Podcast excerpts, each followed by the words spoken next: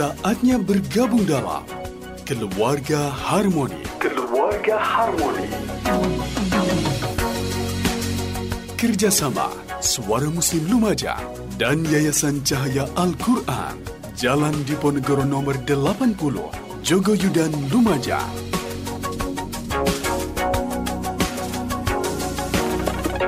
Keluarga Harmoni. Bismillahirrahmanirrahim. Assalamualaikum warahmatullahi wabarakatuh. 89,9 Suara Muslim Lumajang Mitra Muslim bagaimana kabar Anda di siang hari ini? Udah agak siang sih meskipun cuacanya agak mendung ya. Senang sekali saya Kiki Rizkyani bisa menjumpai Anda Tentunya di program yang insya Allah pasti Anda tunggu-tunggu Di Keluarga Harmoni. Dan di sini juga sudah hadir narasumber yang mungkin Anda rindukan setiap pekannya seperti itu ya. Dan kita membahas tentang dunia tipu-tipu. Dunia ini memang menyibukkan orang dari hal-hal yang bermanfaat untuk kehidupan akhirat. Padahal dunia tidak lebih dari sebuah tanaman yang tumbuh subur di musim hujan, yang kemudian layu dan mengering di musim kemarau. Pada akhirnya daun-daunnya mengering dan tertiup angin. Kalau kita tahu nih hakikat dunia, pasti kita akan memilih sesuatu yang baik bukan yang buruk, mengutamakan kebahagiaan yang bersifat abadi daripada kebahagiaan sementara. Nah, gimana sih cara kita untuk memahami arti kehidupan dunia supaya tidak terperdaya dengan kenikmatan dunia saja gitu. Nah, sambil kita merecharge iman kita gitu ya pagi ini. pagi apa sih yang sih sebenarnya? Kita akan berdiskusi bersama narasumber yang sudah hadir di studio Suara Muslim Lumajang ada Ustadz Suharyo AP sambil kita menunggu kedatangan dari Dr. Alia Hidayati ya. Dan saya sapa dulu beliaunya. Assalamualaikum. Waalaikumsalam warahmatullahi wabarakatuh. Sudah sehat Ustadz? Alhamdulillah. Alhamdulillah. Ya, dua pekan absen ke mana ini? Ya ngikuti angin. Oh gitu ya. bukan masuk angin ya. Bukan. Oh, bukan. Mengikuti angin berhembus. Oh iya. Disuruh istirahat ya istirahat ya, dulu iya. gitu ya Ustadz ya. Iya, iya, iya. Nggak boleh terlalu banyak kegiatan iya. Ustadz. Katanya orang-orang sekarang orang Jawa bilang musim ketiga dingin ya. Oh gitu. Ya, apalagi keempat, kelima gitu ya, tiga. Tiga oh, itu tiga. Uh, ketiga. Kalau keempat, kelima Wah, ada lagi. Iya, enggak umum sih. Oh enggak umum. oh jadi memang bahasanya itu musim ketiga. Iya. Bukan karena ketiga. Ya ketiga itu ya musim ketiga. Oh, musim karena ada kemarau sama hujan, ya. terus kemudian ketigonya ini ya kemarau bikin vertigo ya. Nah. Oke oke kita nggak bahas cuaca juga hmm, sih ya iya. meskipun sekarang mendung di Lumajang ya. Nah Ustadz dunia tipu-tipu wah banyak yang terperdaya kayaknya ya dengan iya. kenikmatan dunia seperti iya, apa Ustadz? Banyak sih ilustrasi itu mm -mm. dunia panggung sandiwara. Nah, uh. ya orang pakai topeng ya biasanya. Memang dunia tipu-tipu, hmm. tapi orang yang tertipu di dunia adalah mereka yang tetap memilih hal yang terbaik dalam hidupnya hidup ini adalah pilihan dan orang yang memilih pilihan-pilihan yang sesuai dengan ketentuan pencipta kita itulah yang akan selamat. Dan ketika kita memilih sebuah pilihan maka jangan setengah-setengah dalam hidup ini. Perjuangkan, lakukan secara serius, penuh kesungguhan, secara kontinu dan berserah diri kepada Allah. Mm-hmm. Di situ letaknya supaya kita tidak ketipu dalam dunia tipu-tipu ini. Mm-hmm. Ya. Berarti kita harus bisa memaknai hidup di dunia itu ya? Iya, di di dunia ini kan sementara. Mm-hmm. itu juga tipuan. Kita tidak terasa bahwa dunia itu cuma 60 sampai 70 tahun. Mm. Padahal akhirat itu jauh lebih dahsyat, abadi, abadi, abadi, abadan, abadan gitu ya. Mm-hmm. Artinya abadi selama-lamanya, tidak ada batas akhir kalau toh ada batas akhir yang memberikan batas itu pencipta kehidupan ini. Bisa dibayangkan kalau kita hidup di akhirat dalam kondisi yang mengenaskan, penuh dengan siksa, begitu lamanya sepanjang sepanjang akhirat itu bagaimana ya rasanya? Minum sudah seperti itu, air timah misalnya itu timah panas. Air yang panas. Ya, makanan dari duri. Kadang-kadang kita pakai terompah saja otak kita mendidih Hmm. Itu yang paling ringan kan siksanya pamannya Nabi Muhammad itu. Dia setelah apa istilahnya merawat Nabi Muhammad walaupun dia tidak bersyahadat tapi dia kemudian dapat siksa paling ringan yaitu memakai terompah tapi begitu terompah dipakai otaknya mendidih. Itu yang Maka- paling ringan, Ustaz. Paling ringan, iya. Maka kita jangan sampai kemudian terlena dengan kehidupan yang sementara ini. Capek-capeklah dalam ibadah kata Nabi. Orang yang capek dalam ibadah itu di hatinya ada kemenangan. Orang yang menang dunia akhirat itu akan selamat. Masya Allah. Biasanya eh, apa sih yang membuat kita ini sebagai manusia eh, tertipu oleh dunia? Ya, karena keinginan sesaat. Hmm. Dikira yang membahagiakan sesaat itu adalah segala-galanya, padahal itu tipu daya. Contoh begini, orang senang itu kan ukurannya relatif ya. Ada orang yang sedikit agak mengekang dirinya untuk mendapatkan kebahagiaan yang lebih panjang. Misalnya orang mau tang, apa tahajud itu, itu kan capek malam hari. Iya. Udah ngantuk, ya masih harus melakukan sesembahan atau sholat. Ya bagi mereka yang berpikir praktis, buat apa sih itu semua wong hukumnya sunnah aja. Tapi bagi mereka yang berkepentingan jangka panjang itu dilakukannya penuh kesungguhan, bahkan dijaganya supaya tidak lowong, gitu, tidak ada waktu kosong untuk sholat malamnya itu. Ini antara lain jadi orang tertipu itu karena kepentingan sesaat saja. Yang kedua, mereka lupa bahwa hidup ini bukan hanya di dunia. Hidup ini juga adalah kelanjutannya yaitu di akhirat dan itu yang sesungguhnya real kehidupan adalah akhirat itu.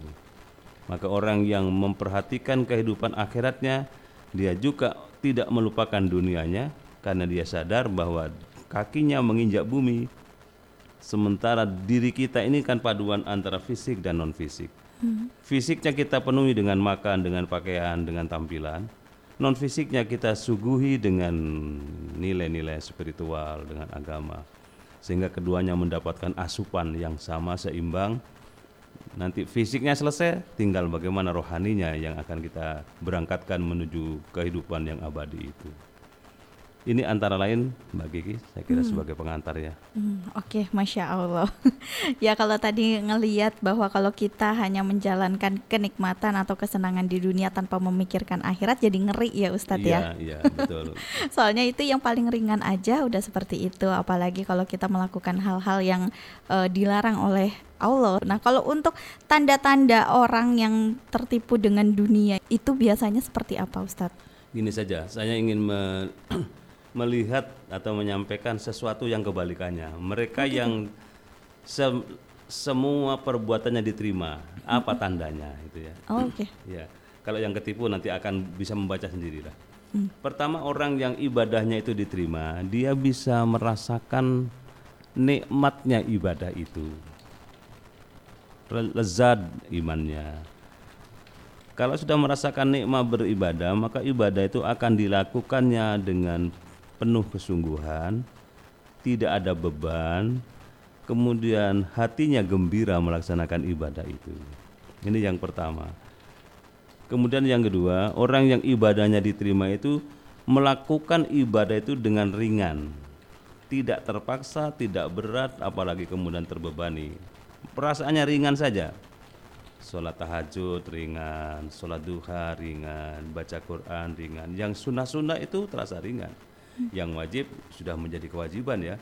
Yang sunnah-sunnah itu kan dalam rangka nambahi ibadah wajib supaya kita lebih hebat di hadapan Allah.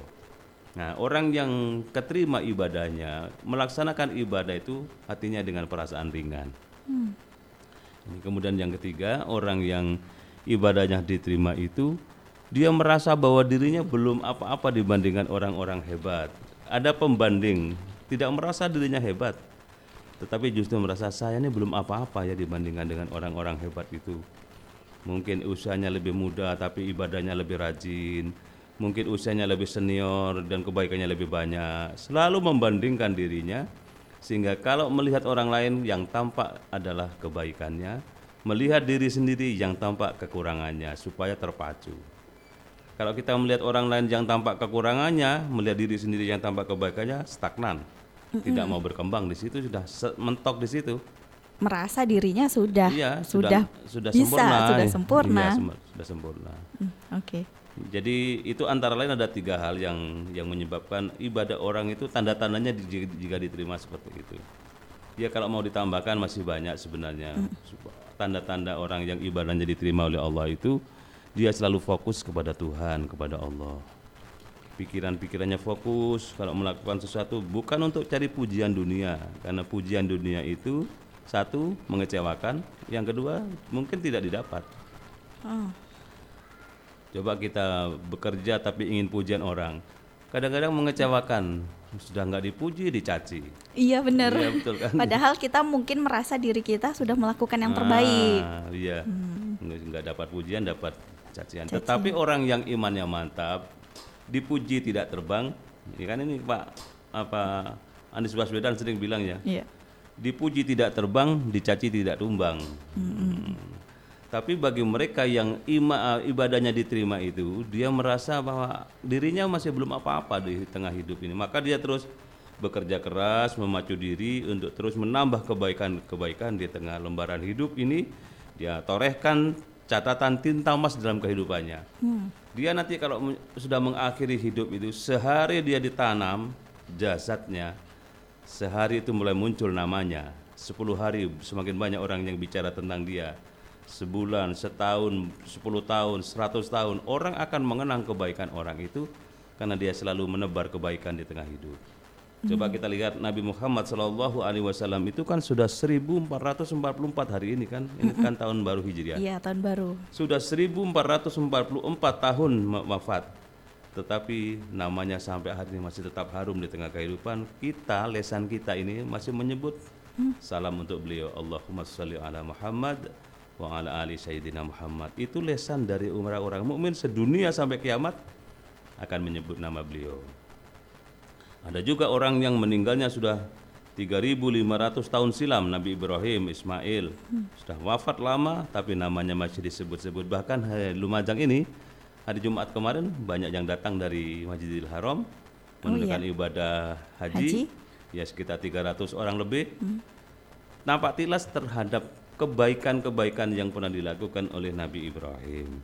Nah, kalau kita punya tanaman baik di tengah kehidupan ini, jangan khawatir umur kita tidak panjang. Mungkin usia kita pendek, tapi umur kita akan panjang karena disebut-sebut orang, bahkan ditiru kebaikannya oleh orang lain. Hmm, masya Allah. Siapa sih yang nggak pengen seperti Nah, itu gitu ya, iya, Ustadz ya, masya iya. Allah. Jadi meskipun umur di dunia ini hanya mungkin 70 tahun, tapi Iya. Ternyata orang bisa mengenang kita bisa 100, 200 tahun seperti itu ya Iya, ke generasi kita berikutnya. Masya Allah. Nanti kita lanjutin lagi untuk diskusi ini, Ustadz. Dan saya juga mengajak anda untuk bergabung di 0811 3400 899.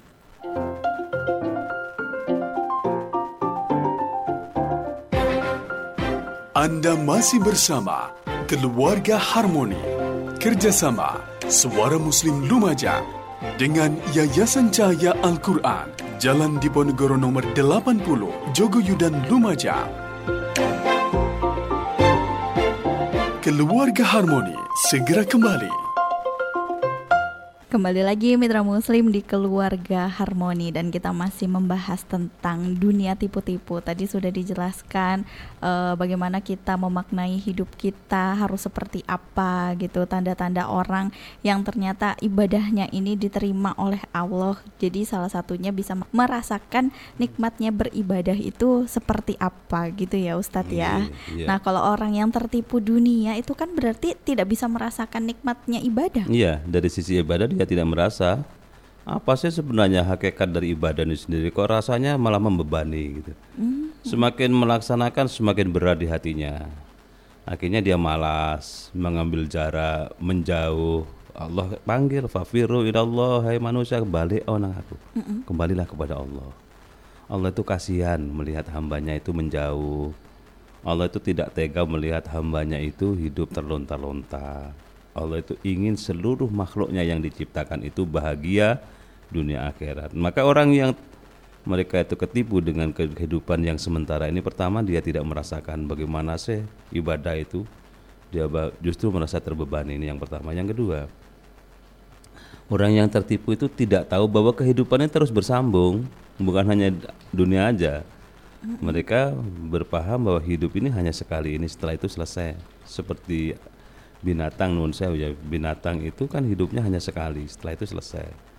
Tapi manusia disebutkan bahwa hidup ini bersambung kepada kehidupan yang jauh lebih lama.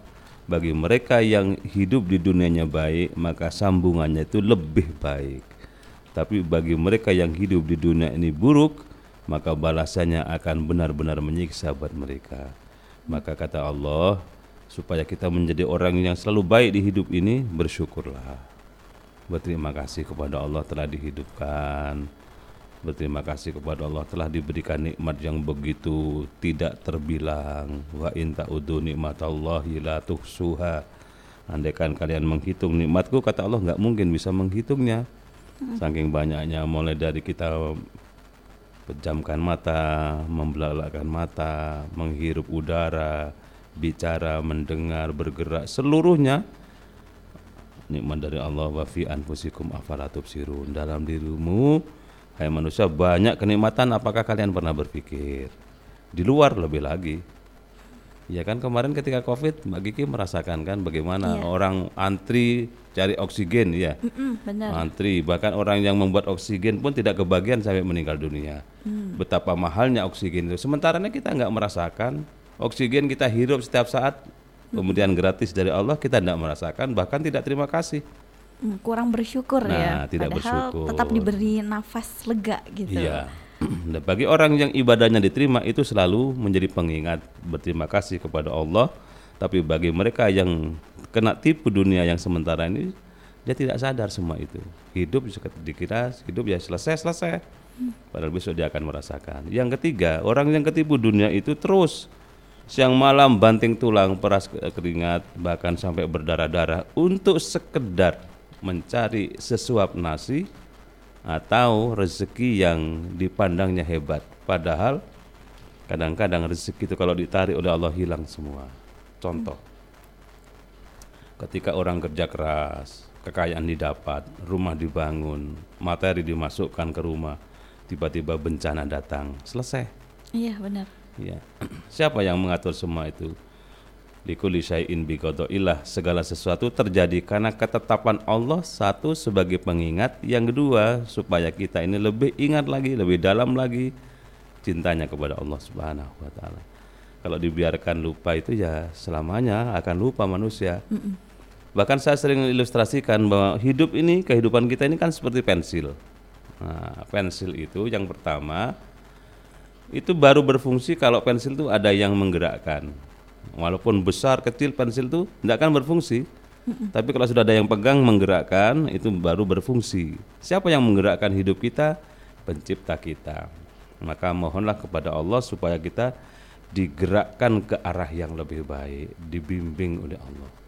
Yang kedua, pensil itu yang penting bukan kayunya itu, bukan bungkusnya, tapi yang ada di dalamnya, yang warna hitam itu atau warna merah, itu yang paling penting. Dan hidup manusia itu bukan karena rupawan, bukan karena besar, tinggi, pendek, bukan itu.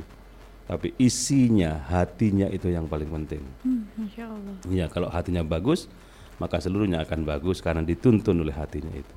Yang ketiga, ini yang ada kaitannya, hidup itu kan kadang-kadang ada salah, ada khilaf, ada dosa, tapi jangan khawatir bahwa di atas pensil itu ada stepnya untuk menghapus kesalahan.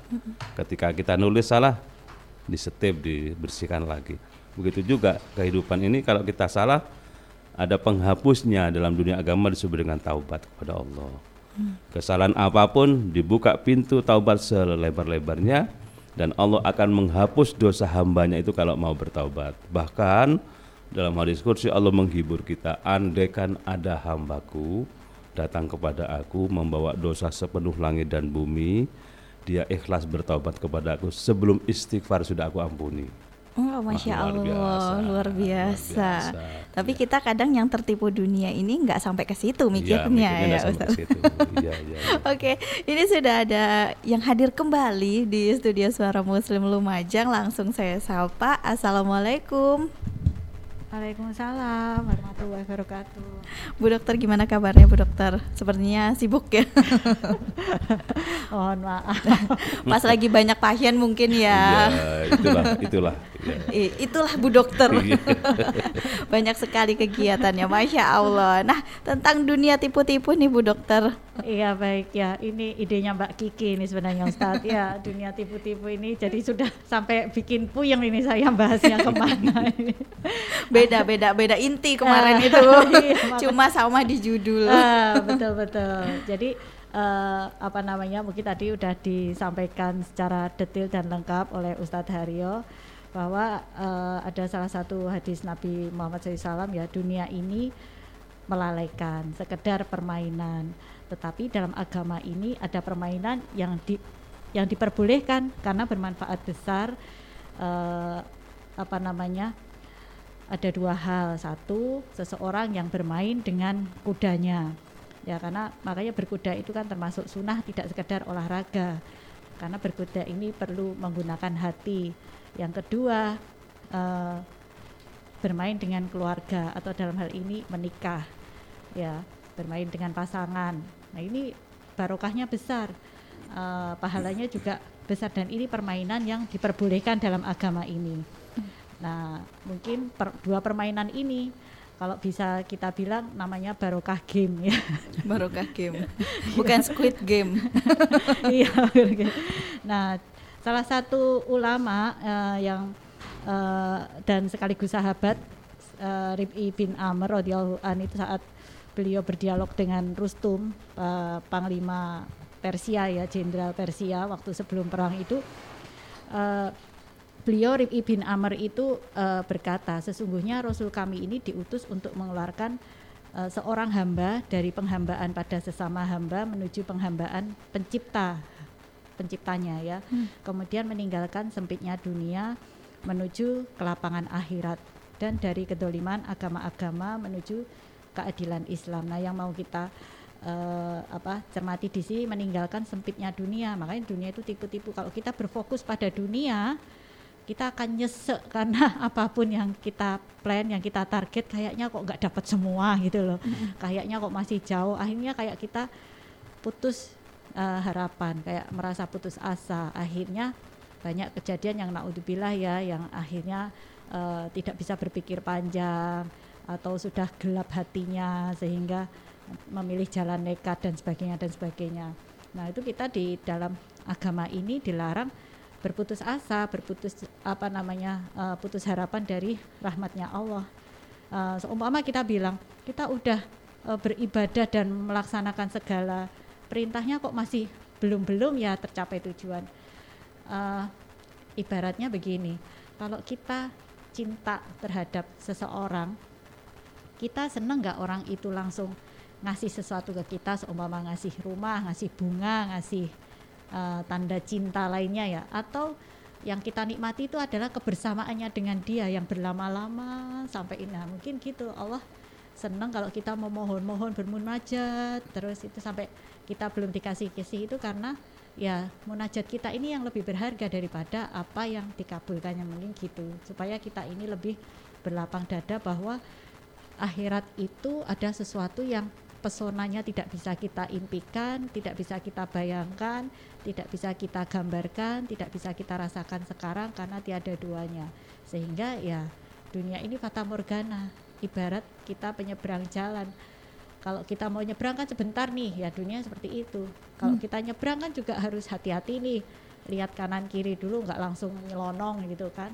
Ya sama di dunia ini kita harus hati-hati karena cuma sebentar, tinggal nyebrang aja kan selesai. gitu. Masya Allah, berarti kita memang eh, nggak boleh tertipu oleh kenikmatan dunia saja gitu ya. Nah tadi disebutkan juga oleh Ustadz Haryo bahwa orang yang tertipu itu yang bekerjanya siang malam nggak tahu waktu hanya untuk dunia saja gitu ya. Nah bagaimana ketika kita beranggapan bahwa ya ini salah satu cara kita untuk bertahan di dunia ini. Iya. Jadi kayak apa ya berpikirnya sempit ya seperti itu. Jadi luas juga, jadi cuman kurang luas. Oh cuma kurang luas. Iya iya. Gimana ini Bu Dokter atau Ustadz Haryo? Iya baik. Jadi dunia yang kita tinggali dan nikmati sekarang ini uh, sebenarnya sesuai dari hadis Nabi Muhammad SAW itu ada sesuatu yang sempit. Uh, Rasul bersabda juga sesungguhnya dunia ini manis dan hijau dan Allah meminta kalian menjadi khalifah karena Allah ingin melihat karya atau kerja kalian. Jadi yang terlena dengan dunia yang yang sempit ini karena dunia ini memang manis dan hijau itu berarti kekanak-kanakan katanya hmm. begitu karena hanya anak-anak yang suka yang manis-manis iya benar tapi anak-anak gak boleh dicoba-coba gitu. jadi uh, yang hijau pun juga akan segera lenyap kena uh, apa panas hmm. kena dingin kena hujan berkali-kali juga akan segera kering akan segera lenyap yang manis pun kalau berlebihan akan jadi pahit gitu loh maka gunakan seperlunya letakkan dunia di tangan supaya kita nggak tertipu gitu loh hmm. kalau kita letakkan di hati uh, bawaannya baper melulu ya hmm.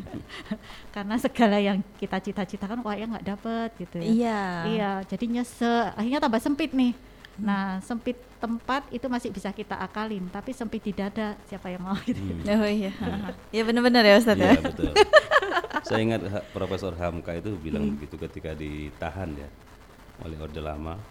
Kemudian masukkan ruangan sempit. Tapi bagi orang beriman, ruangan sempit itu itu hanya temboknya yang sempit, tapi hmm. hatinya tetap luas. Sehingga dua tahun dia mampu menyelesaikan garap tafsir Al-Azhar yang 27 juz itu. Masya Allah. Di ruangan yang sempit, tapi hatinya tetap luas dan luas ya. Oke. Okay. Uh, ada kebiasaan orang-orang Arab begini. Kalau kamu sedang galau, sedang sempit hati, itu lakukan tiga hal. Pertama, sering-seringlah lihat air, hmm. lautan. Di Arab kan agak susah lihat lautan ya. Lautan itu akan memberikan inspirasi satu keteduhan, yang kedua jembar luas nyegoro. Nah, sering hmm. saya katakan hatinya harus nyegoro.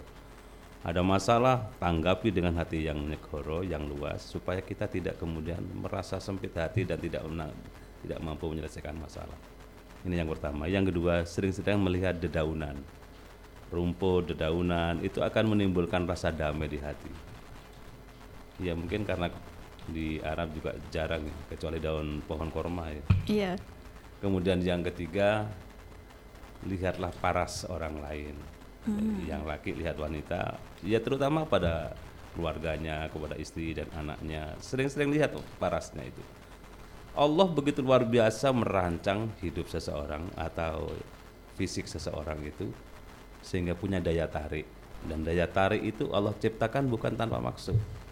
Supaya kita lebih tertarik lagi kepada yang menciptakannya gitu Allah Subhanahu wa taala. Dari tiga hal itu kita menjadi orang yang tidak sempit pikiran, perasaan, bahkan kita menjadi optimis atau bahkan husnudon kepada Allah bahwa Allah itu menciptakan hidup ini yang terbaik. Nggak ada cacat. Maka Al-Quran menyatakan Rabbana ma batila. Ya Allah kau ciptakan segala sesuatu nggak ada yang salah nggak ada yang hmm. batil nggak ada yang kurang. Sudah sempurna. Maka buat apa kita kemudian bersempit hati? Oh, semuanya sudah cukup. Mau hmm. nafas? Cukup. Cukup. Ya nyari teman? Cukup. Cukup. Mutasi dari luar kota ke sini banyak temannya cukup. Mm. ya kan? Nambah saudara. Nambah saudara nambah ya, saudara. Okay. Oke nanti kita lanjut lagi Ustadz. Uh, Nanti di sesi yang terakhir saya juga akan membacakan WhatsApp yang sudah masuk di 0811 3400 899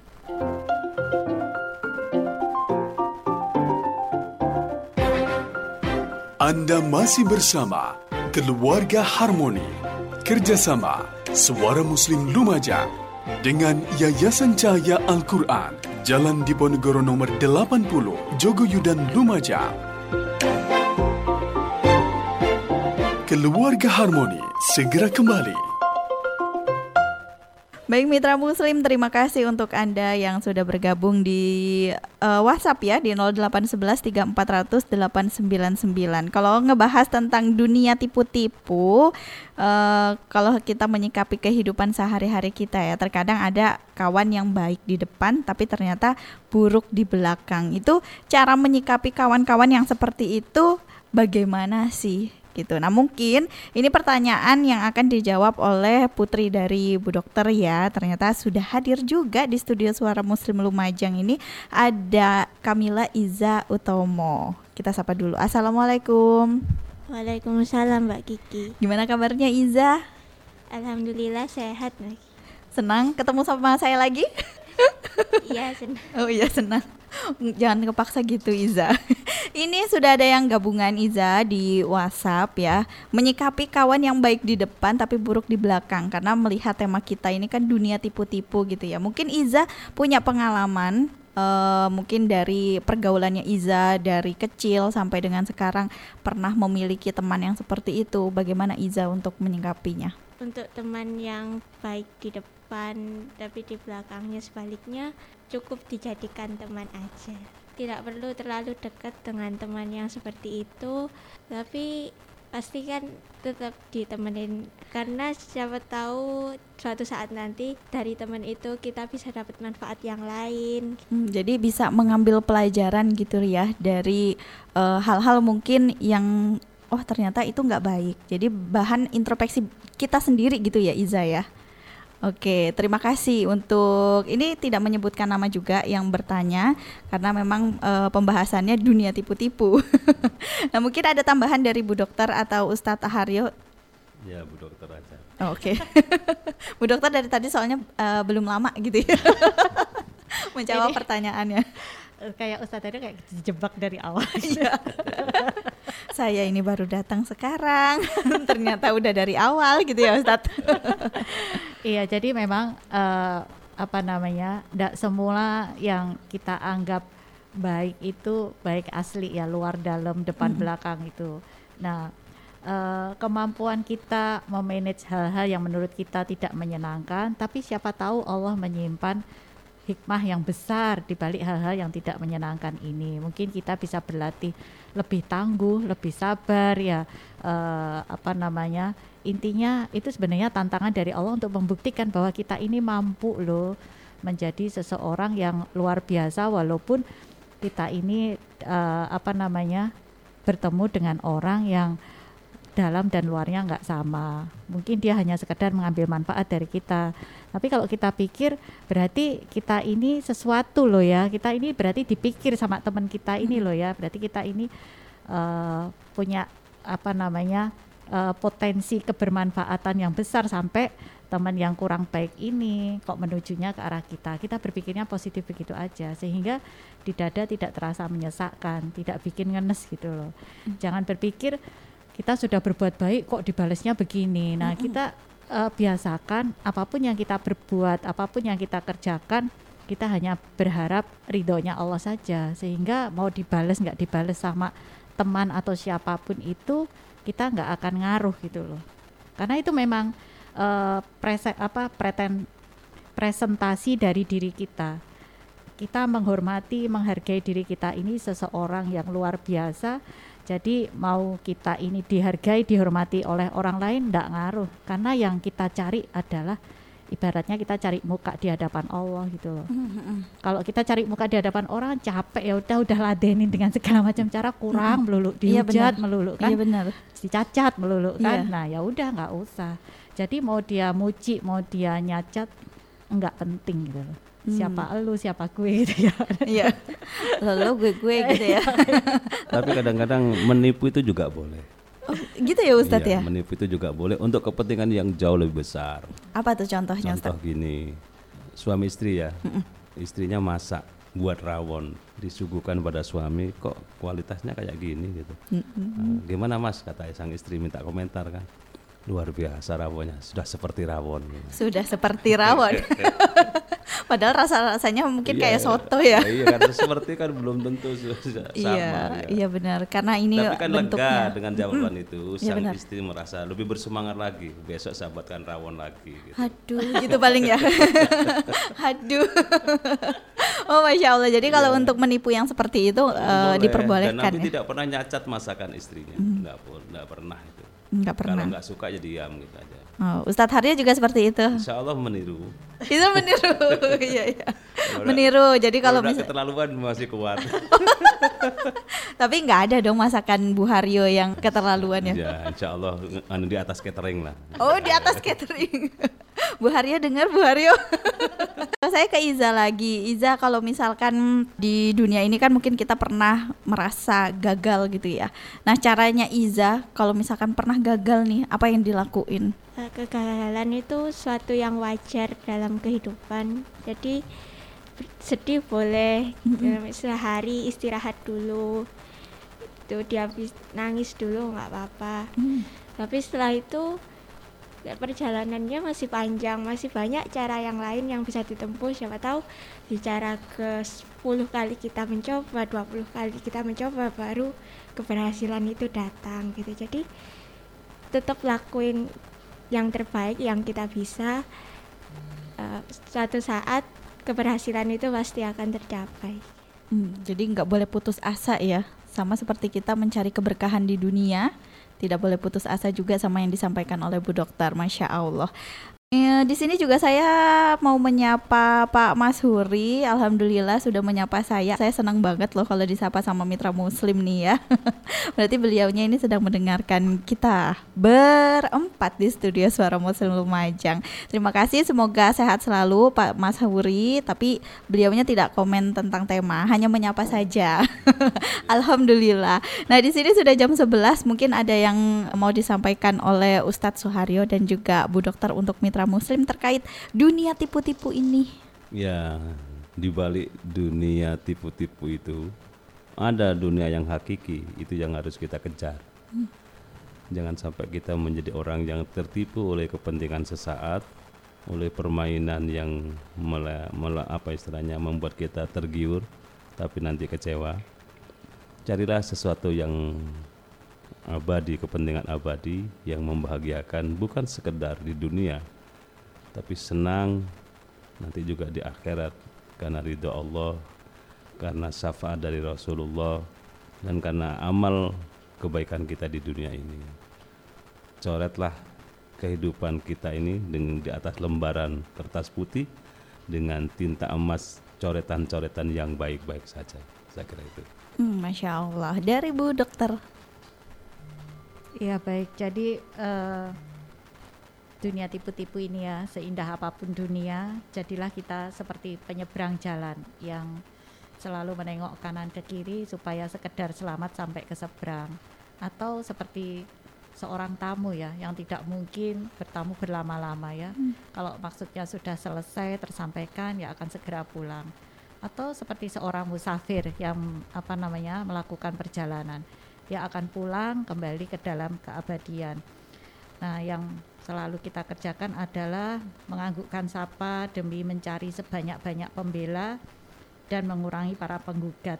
Sebab selepas penyeberangan sana itu ada pengadilan yang menunggu kita. Jadi seindah apa pun dunia, kita harus eh, tetap mempunyai fokus tujuan. Biarlah dunia ini sekedar latar belakang background semata aja. Karena kita punya tujuan di depan kita yang harus kita jalani, harus kita raih dan tujuan di depan itu adalah Allah semata. Oke, Masya Allah. Luar biasa. Dari Iza mungkin ada pesan untuk mitra Muslim? Jadi seindah apa pun dunia, eh, jadilah kita tetap asing baginya sebab dari Allah kita berasal dan ke Allah lah kita akan kembali. Karena asing maka kita harus selalu berhati-hati. Karena asing maka kita harus mempersiapkan bekal sebanyak-banyaknya. Masya Allah, keren. Masya Allah, terima kasih banyak untuk semua narasumber yang sudah datang menemani saya di Keluarga Harmoni. Semoga bisa bermanfaat semua. Pekan depan insya Allah kita bisa berjumpa kembali dengan tema yang menarik lainnya. Terima kasih Ustadz Suharyo, Iza, dan juga Dokter Alia. Assalamualaikum. Waalaikumsalam warahmatullahi wabarakatuh. Nah, mitra muslim, mungkin kemarin kita berpikir pendek gitu ya, hanya mengejar sesuatu yang fata morgana, bersifat fana dan juga lupa bahwa rumah yang sedang dituju adalah akhirat. Dan sekarang kita harus bisa merubah pola pikir kita, perilaku kita hanya untuk kebaikan dunia akhirat. Semoga bisa bermanfaat. Akhirnya saya Kiki Rizkyani pamit undur diri. Terima kasih telah mendengarkan. Subhanakallahumma wa bihamdika alla ilaha illa anta nastaghfiruka wa natubu ilaik. Maha suci Engkau ya Allah dan dengan memujimu kami bersaksi tiada Tuhan yang berhak diibadai selain Engkau. Kami memohon ampun dan bertobat kepadamu. Wassalamualaikum warahmatullahi wabarakatuh.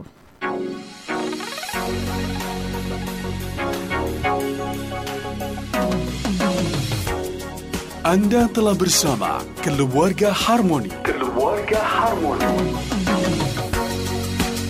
Kerjasama Suara Muslim Lumajang bersama Yayasan Cahaya Al-Quran. Jalan Diponegoro nomor 80 Jogoyudan Lumajang. Terima kasih Anda telah mendengarkan. Sampai jumpa pekan mendatang.